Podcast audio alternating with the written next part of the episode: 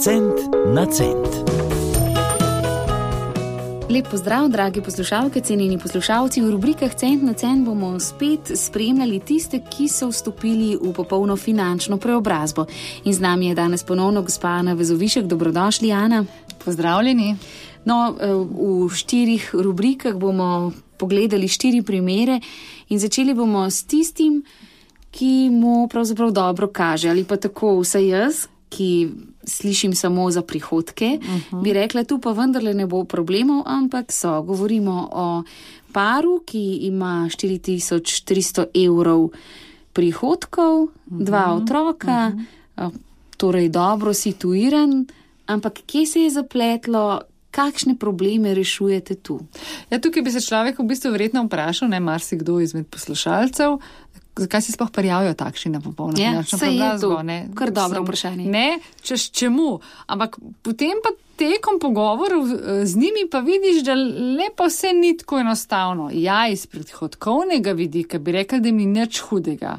Ampak po drugi strani je pa to en tak lep prikaz, ne, ko veliko krat govorimo o tem, da višina prihodkov ni neko merilo, a bomo mi potem lepo živeli, pa uresničili svoje sanje ali ne. In v konkretnem primeru se zelo lepo vidi, sta sicer oba zelo izobražena, delata, pozno sta imela recimo otroke, so otroci še zelo majhni, pa vendar nista še recimo uresničila svojega glavnega cilja, kupila nepremičnino. Zakaj ne? Zato, ker toliko časa gledata, ne veste, kaj bi, koliko bi, za koliko denarja za se zadržiti in tako naprej. In jim marsikatera nepremičnina oziroma priložnost že všla.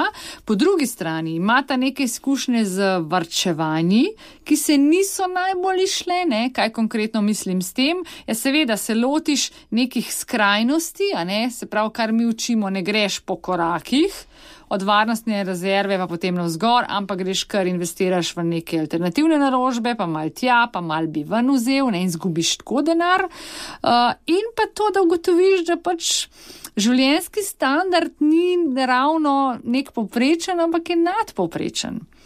In uh, ko sem sama analizirala, se pogovarjala z njimi, je zelo dobro videti to, kako kljub visokim prihodkom, česar se ona dva zavedata, pa moram priznati, da sta ena dva redkih primerov, ki tudi imata nekaj privrčevano, ne, da se razumemo. Pa vendar imata ona dva same dva občutek, da pa ne živita življenja, ki bi si ga želela. Ne, a ni zanimivo, ne, se pravi, kač, kako je to možno, ampak dejansko gotoviš, da na nek način, aha, vrčujeva, vrčujeva sicer veste na nek način zakaj, po drugi strani so njuni kriteriji za hišo ali pa kakorkoli tako visoki, da jih kljub tem prihodkom ne morata doseči. In ugotoviš, da enostavno se boš mogel vprašati, kaj ti v življenju pač več pomeni. Ne?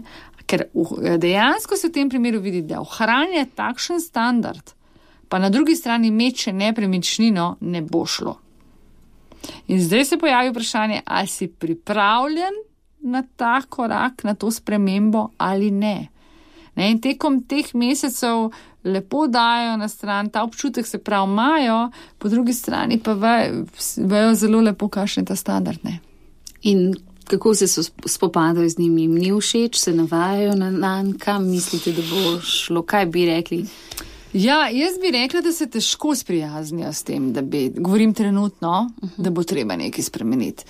Je pa premik na tej strani, ko se ona dva sama dva zdaj nas sprašujeta, kaj mi mislimo, ali sta prezahtevna, ali je ta standard previsok, kar štejem seveda v plusane. Se pravi, da posameznik se res vpraša, čakaj nekaj očitno delam -huh. na robe. Poleg tega je morda tukaj izpostaviti, da imate tudi neko podjetniško idejo, neko željo, uh, kjer tudi zelo lepo vidiš, da ideja ni dovolj. Ne? Da moraš zelo veliko narediti na tem, da bo ta morda nekoč poslala poslovne. In prinesla kaj dobička. Tako, uh -huh. Tako da to, recimo, ta primer je en tak, res bom rekel, da se gotovo izstopa po prihodkovni ravni, po drugi strani ne, pa morda vsem tistim, ki rečejo, oh, kaj bi jaz vse počel s tem, ugotoviš, da ni. Enostavno. Ja, tako tudi, če imaš dovolj prihodkov. Ja. No, kako se spopadajo drugi primeri, pa v naslednji oddaji. Hvala za danes, gospod Vezovišek. Hvala vam. Cent na cent.